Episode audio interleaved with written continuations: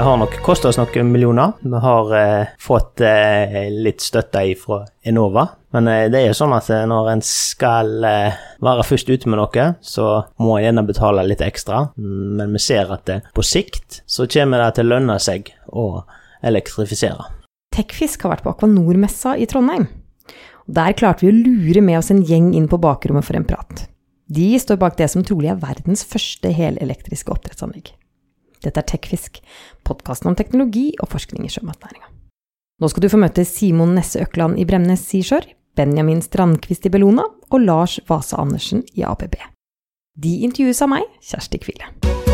Benjamin Strandquist. Hei. Du jobber i Bellona, og så sitter du her med eh, to representanter fra ABB og Bremnes Seashore.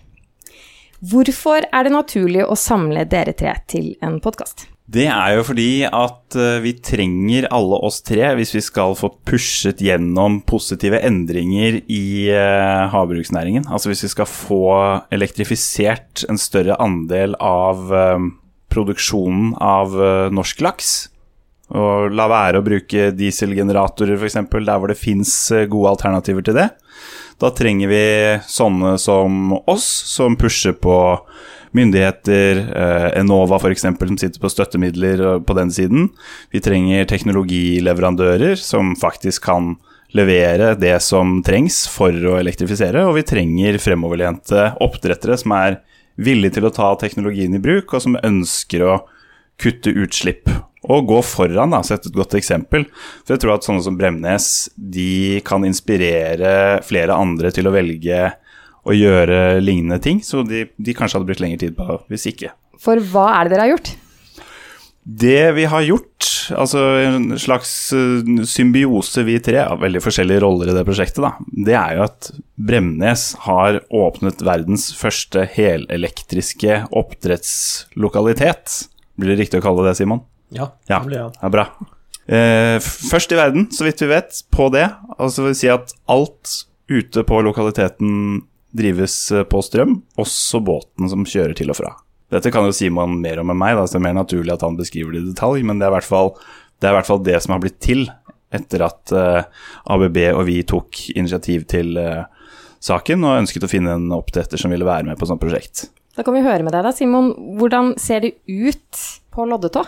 Loddetå ser ut eh, omtrent som eh, de fleste andre oppdrettslokaliteter. Det store forskjellen er egentlig hva du hører og hva du ikke hører. For eh, når vi har fullelektrifisert anlegget vårt, så betyr det at vi har ikke noen generatorer som står og durer. Og når båtene går på batteri, så hører du heller ikke noen motorer som brenner diesel. Så det er veldig stilt og fredelig ute på anlegget vårt. Men hva er det dere har gjort da, for å få det helt elektriske? Det først gjorde vi da, så er det helt grunnleggende å elektrifisere fòrflåten. Altså at vi drar ut en eh, kabel med strøm. Vi må putte litt fiber igjen òg, det er lurt hvis du skal ha litt eh, eh, bredbånd og slikt ut på anlegget ditt. Eh, men vi stoppet ikke med å dra kabel ut til fòrflåten og de standardoperasjonene som blir eh, elektrifiserte på, det, på den måten. Vi tok eh, og dro kabel helt ut på merkanten og lagde en slags stikkontakter ute på, på merdene, sånn at båter som kommer til der, eh, kan lade eller kan koble på utstyr som da går på strøm. Så kjøpte vi oss en hybride arbeidsbåt, MS Ida. Eh, Og den går eh, stort sett hele tida på batteri når eh, han gjør sine arbeidsoperasjoner for oss. Og nå helt nylig så har vi kjøpt en mannskapsbåt som er batteridreven. Som gjør at vi kan frakte folka våre ut til anlegget, så går det på strøm. Og dette her åpnet jo eh, i juni i fjor. Ja, det, Hvordan har det fungert? det har fungert eh, veldig bra. Eh, Selvsagt noen små badesykdommer, da er det jo alltid med ting som er helt nytt. Men eh, de som jobber på anlegget, de er veldig fornøyd. Og driftslederen der, Frode Kvarven, han eh, er veldig fornøyd med å være sjefen på verdens første fullelektriske oppdrettslokalitet. Og du, Lars eh, Vase Andersen i ABB, hva er det dere har bidratt med? Vi eh, så jo Dette startet jo for en del år siden, hvor eh, Bellona og ABB ga ut den, den første eh, rapporten, hvor vi skulle se på åssen vi kunne elektrifisere det her. Så etter Det var vel i 2018. Og det vi har bidratt med siden da, er jo å ta frem konseptet. Åssen kan du få, det, få det gjort, sånn som Simon forteller her nå, da. Hva er det som skal til teknisk sett for å få strøm ut på merdkanten?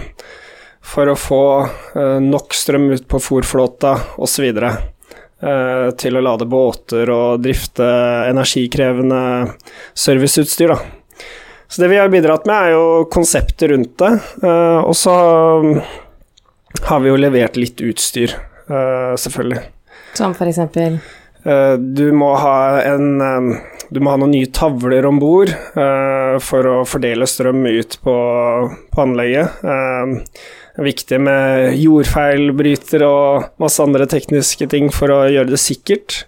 Heter det ikke sjøfeil når det er Nei, det er jo fortsatt jordfeil, men uh, det det er jo en, en, av de tingene man ser en del av på elektrisk utstyr ute på sånne anlegg, eh, jordfeil. Og når du trekker det helt ut på merdkanten, så står det veldig utsatt til, og blir, eh, blir brukt hver dag. Um, og det er slitasje osv., så, videre, så er det viktig at man har god overvåkning på det, så det er trygt og sikkert for de som skal bruke det. Men hvorfor skal man ha helelektriske oppdrettsanlegg, da? Det er jo fordi eh, i utgangspunktet så går jo stort sett alt dette utstyret på strøm, da. Eh, så i stedet for å brenne diesel og ha en generator som lager strøm, som du da bruker, så kan du heller få strøm fra nettet. Eh, så det er jo mye mindre tap, og du får jo hvis du får strømmen fra en fornybar kilde, som vi stort sett får i Norge, så, så får du jo ikke noe utslipp. Og så er det jo dette med lyden.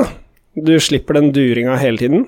Eh, fare for at du søler eh, eh diesel ved fylling. Du har eh, oljeskift, det er masse service forbundet med det som du slipper, da. Veldig mye mindre service på elektrisk utstyr enn på en eh, dieselmotor. Så masse fordeler. Hva tenker du om det, Benjamin? Hvorfor skal man gjøre dette? Ja, det er jo akkurat som, uh, som Lars sier. Altså, vi bør i større grad få mer av energibruken vår over på strøm, fordi strøm kan vi produsere rent. Og veldig mye av det vi uh, bruker fossile brensler til i dag, eh, har vi teknologien til, det har vi teknologien til å slutte med. Det er kanskje dyrt, det blir ikke produsert i stort nok omfang nå i en startfase f.eks., men ved å bidra til å dytte i gang en etterspørsel, gjøre markedet oppmerksom på hva som fins, og gjøre leverandører oppmerksomme på at denne etterspørselen er der ute, kommer til å komme mer av, og samtidig peke på myndigheter og si at her kan dere sette noen konkrete tidsfrister, f.eks. For, eksempel, for når utslipp eh, X, Y og Z skal være kuttet fra produksjon. Så, så, får man igjennom en endring som nok ville skjedd uansett, tror jeg, fordi det gir veldig mening å drive alt på strøm, men det tar veldig lang tid uten at noen er med å drive utviklingen videre. Hva var grunnen til at dere ville være med på, på dette i Bremnes, Mm, vi ble jo utfordra av Bellona og ABB Um, vi har sagt at vi skal være i eh, fremste rekke når det gjelder teknologiutvikling, og vi er opptatt av klima, så dette passet jo bra. Og vi blir jo trigga av utfordringer, så da heiv vi med oss på det. Og det ser ut som det har gått rimelig greit. Hva var det mest krevende å få til, da? Det tok litt tid for å få trafo og sånn på plass på landsida. Men når det var på plass, da har det egentlig gått eh, ganske så smertefritt. Hvor mye kosta det dere, altså tid, penger, å, å, å gjøre dette? I, vi starta prosjektet på eh, Aquanor for eh, to år siden. Eh, og det ble åpna av eh, Erna Solberg 24.6 i fjor. Eh, så det gikk rimelig kjapt. det har nok kosta oss noen millioner, vi har eh, fått eh, litt støtte fra Enova, men eh, det er jo sånn at eh, når en skal eh, være først ute med noe, så må en gjerne betale litt ekstra, men vi ser at på sikt så kommer det til å lønne seg å elektrifisere. Og mye av det vi har gjort, er allerede nedbetalt. Blir det flere elektriske, helelektriske lokaliteter for dere? Ja, det blir det. Og jeg håper at den neste helelektriske lokaliteten vår eh, blir eh, på østsida på Bømlo. Bømlo videregående skole, Vestland fylkeskommune, skal opprette ei eh, akvakulturlinje eh, høsten 2022. Der har Bremnes Seashore vunnet anbudskonkurransen om hvem som skal være samarbeidspartner, og der har vi sagt at det skal være en topp moderne, helelektrisk eh, oppdrettslokalitet med klasserom, med mulighet for elevene å se hvordan det fungerer i praksis. Det skal være arbeidsbåter som er elektriske, og det skal være hybride arbeidsbåter. Så eh, det går den veien. Nå har Bremnes eh, sannsynligvis vært verdens første. Lars, Mm. hvordan tror du utviklingen vil være i resten av oppdrettsnæringen i Norge? Det er jo det var det vi Vi lette jo etter en oppdrettsaktør som kunne gå først, fordi eh, det er jo litt skummelt. Eh, Vi, eh, Bellona ABB, vi påsto jo på en måte at dette her var mulig. Vi hadde jobba med et par år. Trengte vi noen til å bevise det, og det har Simon og Bremnes greid å gjort. Nå se, vi får en god del henvendelser fra andre oppdrettere som lurer på på åssen dette har gått osv. Så, videre. så det kjempefint at vi har denne podkasten her, så vi kan fortelle litt om det.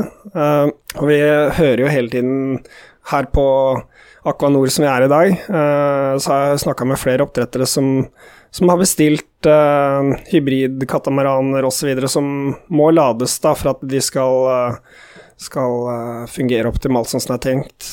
Og det er jo flere som også bestiller ladbare hurtigbåter, da, sånne persontransportbåter som jeg tror det heter. Det skjer, men det skjer ikke fort nok, så bidra med mer og mer kunnskap, sånn at det ruller enda fortere. Trengs det noen ny teknologi? Per i dag så har vi ikke sett at det trengs noe, noen ny teknologi for å få det til. Det kan godt hende det er noe av teknologien vi har i dag som burde forbedres, men det er teknologisk mulig å gjennomføre det uten ja, med punktum bak utropstegn. Har du noen eksempler på hva som bør forbedres da? Eh, Vi har eh, dette med, med spenningsnivå eh, er noe som er litt utfordrende. Fordi vi har noen standardiserte spenningsnivåer i Norge, som er 400 volt, 230 volt, eh, 690. eh, Men 1000 volt f.eks., som en del oppdrettere bruker, er ikke en standardisert spenning. Eh, Så det fins veldig lite utstyr som støtter det. Det fins noe, men eh, det er ikke det nyeste og beste, for å si det sånn. Eh, så vi prøver å få standardisert oss innenfor et spenningsnivå som, som det finnes mye utstyr, og det tror jeg også vil da kanskje få ned kostnadene litt. grann, Fordi da er det mer å velge mellom, ikke sant. Hva tenker du om det, Simon? Jeg er helt enig. Det var enkelt. Eh, Men Benjamin, hvorfor skal man eh, satse på altså dette, eh, når det er mange andre steder man kunne ha kutta mye mer, sannsynligvis? Ja, det kan du jo Det spørsmålet kan du jo stille i alle sammenhenger. Altså, alle utslipp er små i et globalt perspektiv. Til og med i USA peker de på at eh, Kina må gå foran og kutte utslipp, men hvis bare Kina kutter utslipp, så Det holder jo ikke. Så vi må kutte de utslippene vi kan kutte, og her, her har vi altså en case hvor det er teknologi tilgjengelig til å ta mye av det, og det kan gjøres eh, i Norge, det kan gjøres her lokalt. Og da er det jo absolutt eh, noe vi bør satse på. Utslippskutt er utslippskutt uansett om det skjer det ene eller det andre stedet. Og kuttpotensialet, som jo egentlig er det vi burde snakke om, altså hva kan vi kutte med de virkemidlene vi har til rådighet, er veldig bra her. Og hva er det? Det tilsvarer utslippene fra 200 000 personbiler, ca. er det vi beregner. 375 000 tonn CO2, men ingen har et forhold til sånne type tall. Personbiler, det vet folk hva er. Og da snakker vi selvfølgelig ikke om elbiler. Nei, godt. Men eh, det, så det er, eh, det er innenfor eh, Det bør være innenfor rekkevidde innen ikke altfor lang tid, og vi tenker at det kan gå fortere enn det gjør i dag. Og da trenger vi fremoverlente aktører som tør å satse på dette. Og vi trenger, eh, vi trenger nok også noen strengere krav til når nullutslipp skal innfases, og vi trenger noen mer målrettede støtteordninger fra Enova. Og jeg syns det er litt sånn synd at mye av debatten rundt dette, eller når vi prøver å ta dette opp på politisk hold, så får vi ofte sånn følelsen at dette blir sett på som sånn tungt og vanskelig og dyrt. Eh, det er ikke vanskelig. Og det at det er dyrt, det er en forenklet kalkyle som ikke gir mening. Det er dyrere å vente hvis du skal regne på hele det samfunnsøkonomiske regnestykket. Og dessuten så kan dette gjøre at vi i Norge får bli pionerer på å utvikle nullutslippsteknologi som vi siden kan eksportere. Og det er vel meningen at vi skal kunne leve av eh, altså, eh, vår eksport i fremtiden også, etter at olje- og gassnæringen eh, etter hvert blir borte, eh, når enn det skjer. Så dette her er eh, Altså, ja, det er kostbart å la være. Vi, har, eh, vi bør ta den kostnaden det er nå for å få dette gjennomført raskest mulig. Fordi at det vil koste oss mindre på sikt, det er jeg helt sikker på. Er du enig i det også, Simon, at det er enkelt og ikke så dyrt? Ja, enkelt er jo en relativt, relativ sak, men, men eh, at det her er mulig å gjøre noe med hyllevare på, på elektrifisering, det er helt klart. Eh, når det gjelder båter, så er det litt vanskeligere. De, de minste båtene kan du jo ha batteri på, men når du kommer på større båter, da må en jo eh, finne andre måter å gjøre dette på. Eh, hydrogen har jo lenge vært i skuddet. Jeg personlig har enda mer tro på ammoniakk. Så når vi får eh, brønnbåter og fòrbåter og de største arbeidsbåtene som eh, er drevne av eh, ammoniakk, da begynner vi å nærme oss der vi skal være. Så jeg har tro. Hva har dere spart i utslipp, da? Har dere tatt på det? Det er i hvert fall en enorm reduksjon, det kan vi jo si med sikkerhet. Eh, for det har jo gått fra et anlegg som har blitt drifta mer eller mindre på diesel tidligere. Anlegget har jo ikke vært i drift uh, veldig lenge ennå, så når det har gått et år, uh, så vil vi kanskje kunne gjøre opp regnskapet da. Jeg kunne gjerne legge til en ting hva gjelder uh, leverandører av f.eks. båter. da så tror jeg at um, vi ser f.eks. innen anleggsbransjen så ser vi nå at uh, aktører tilbyr De selger uh, Det finnes en del elektriske gravemaskiner, men de fleste går fortsatt på diesel. Men det er en del da, som selger dieseldrevne gravemaskiner med en opsjon om å senere konvertere dem til elektrisk drift. Altså de er forberedt for det. Uh, og så kan man velge å utsette det litt til det kanskje blir litt rimeligere med batterier eller et eller annet sånn. Og at det er jo noe som båtbyggere eventuelt også kan tenke på, i hvert fall når de skal uh, utforme båter, at de gjør det relativt enkelt å konvertere dem senere da, til, en, uh, til en elektrisk drivlinje. Ja, det er det jo flere fiskebåter blant annet nå som, uh, som har begynt med. ja, og det, det er et godt poeng, for um, det er jo mange fullt brukbare oppdrettsbåter òg som går på diesel i dag, men med relativt enkelt kan modifiseres til eh, renere eh, drivstoff. Så da, da, er noe som vi ikke må glemme oppi dette her. For vi kan ikke skrote en fullt brukbar eh, båt hvis en kan gjøre noe med motoren og drivstoffet. Um, og hvis målet er at, eh, at oppdrettsanleggene i Norge skal bli helelektriske, hva er det aller viktigste å få på plass da? En må ha nettkapasitet. Det er viktig for å sikre at en får strømmen ut til anlegget. Og da er del av kysten vår er det litt eh, problematisk, og det er jo selvsagt kamp om den kapasiteten. For det er mye som skal bli grønt i disse dager. Så da må vi ha med oss. Og, og der vil jeg gjerne gi en liten oppfordring til de oppdretterne som sitter med planer om å elektrifisere anlegg til neste år eller eh, innen relativt tid. da, av å ta kontakt med nettselskapet sitt så fort som mulig. Fordi dette er jo da sånn at man må melde inn sitt behov. Uh, og det er mange som gjør det om dagen. Det er ladestasjoner som skal settes opp. Det er uh, anleggsutstyr som Benjamin snakker om, som skal ha ladestasjoner uh, forskjellige steder. Og den derre ressursen der som, som er hos nettselskapene, den tilgjengelige kapasiteten, den, den, er det kamp om nå om dagen. Så det er om å komme seg inn i den køen. Så det er bare å ta kontakt. Grei beskjed. Ja. Eh, Benjamin, hvordan tror du utviklingen blir fremover eh, innenfor dette?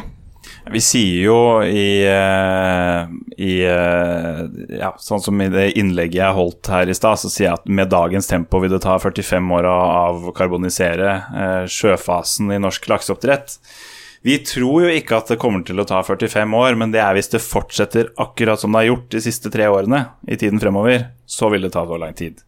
Men så vet vi jo at uh, fordi teknologiutvikling skjer, og fordi det blir billigere, så tar det ikke så lang tid. Men det burde gå fortere også i dag.